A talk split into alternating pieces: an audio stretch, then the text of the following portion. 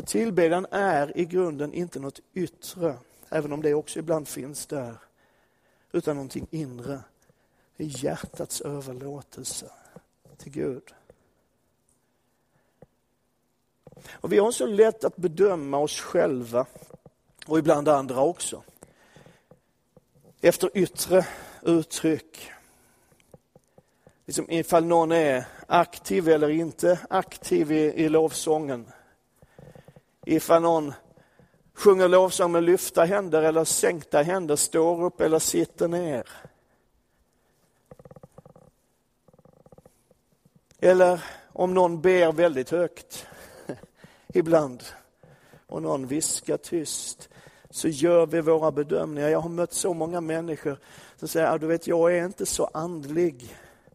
Jag tycker det är jobbigt att lyfta händerna. Jag, jag, tycker det är jobbigt när folk ser och det är jobbigt när folk lyssnar när jag ber. Och jag är nog inte så andlig. Vet du, det har ju inte ett dugg med det att göra. Det har inte ett dugg med det att göra.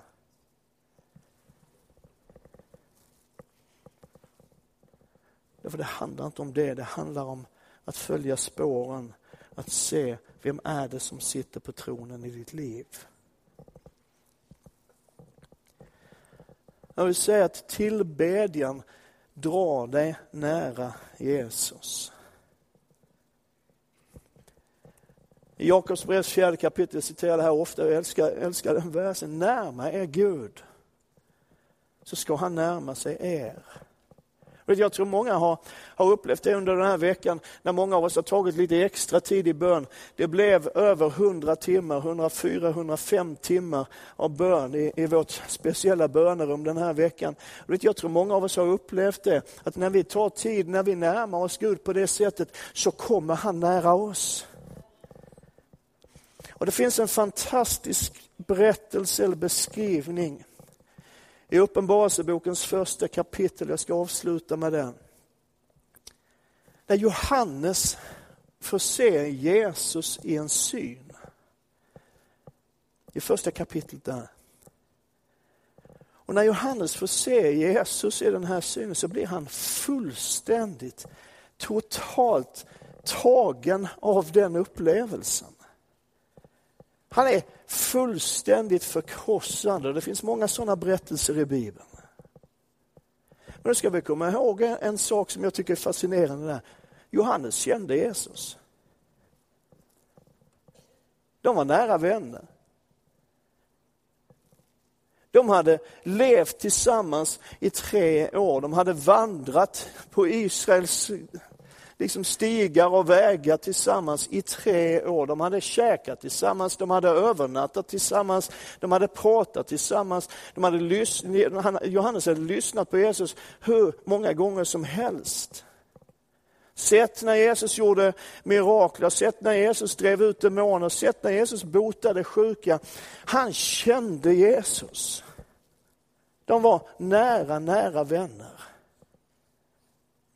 Och ändå när Jesus står inför honom i den synen, Jesus uppenbarar liksom i all sin härlighet och all sin makt, så blir det för mycket för Johannes.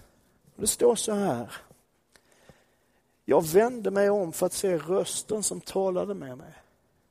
Och när jag vände mig om såg jag sju ljusstakar av guld. Och mitt bland ljusstakarna en som liknade en människoson. Klädd i en hellång dräkt och ett bälte av guld runt bröstet.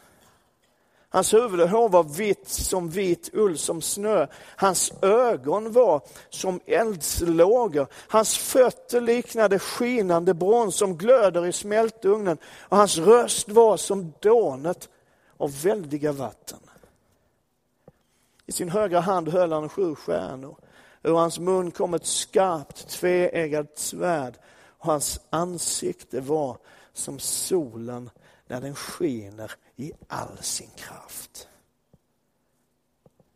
När jag såg honom föll jag ner som död för hans fötter. Ett synen av Jesus, att komma så nära fyller Johannes med vördnad, med förkrosselse, med ödmjukhet. Och han faller ner i tillbedjan. Och när han ligger där med ansiktet mot marken så händer det där makalösa. När Jesus lägger sin hand på hans skuldra och talar med honom. Han la sin högra hand på mig och sa, var inte rädd.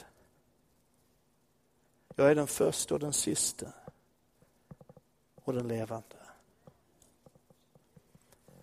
Tillbedjan drar dig nära Jesus. Och när vi kommer nära honom så kommer han nära oss. Och när du kommer nära honom så finns han där, lägger sin hand på din axel och säger till dig, var inte rädd. Hur din situation än är, hur den ser ut. Sjukdomen du bär på, lidandet du bär på, bekymren du bär på, allt det som stör dig. Var inte rädd. Jag är den första och den sista. Jag var innan du fanns till. Jag kommer att finnas långt efter du har gått bort. Men jag är den levande som gör dem levande, som ger sina hjärtan åt mig. Tillbedjan drar dig nära Jesus. Tillbedjan är inte bara en stund av tacksägelse, en stund av lovsång, utan tillbedjan är ett liv som levs för att ära Gud. Jag vill göra mitt liv till en lovsång till dig. Och allt folket sa?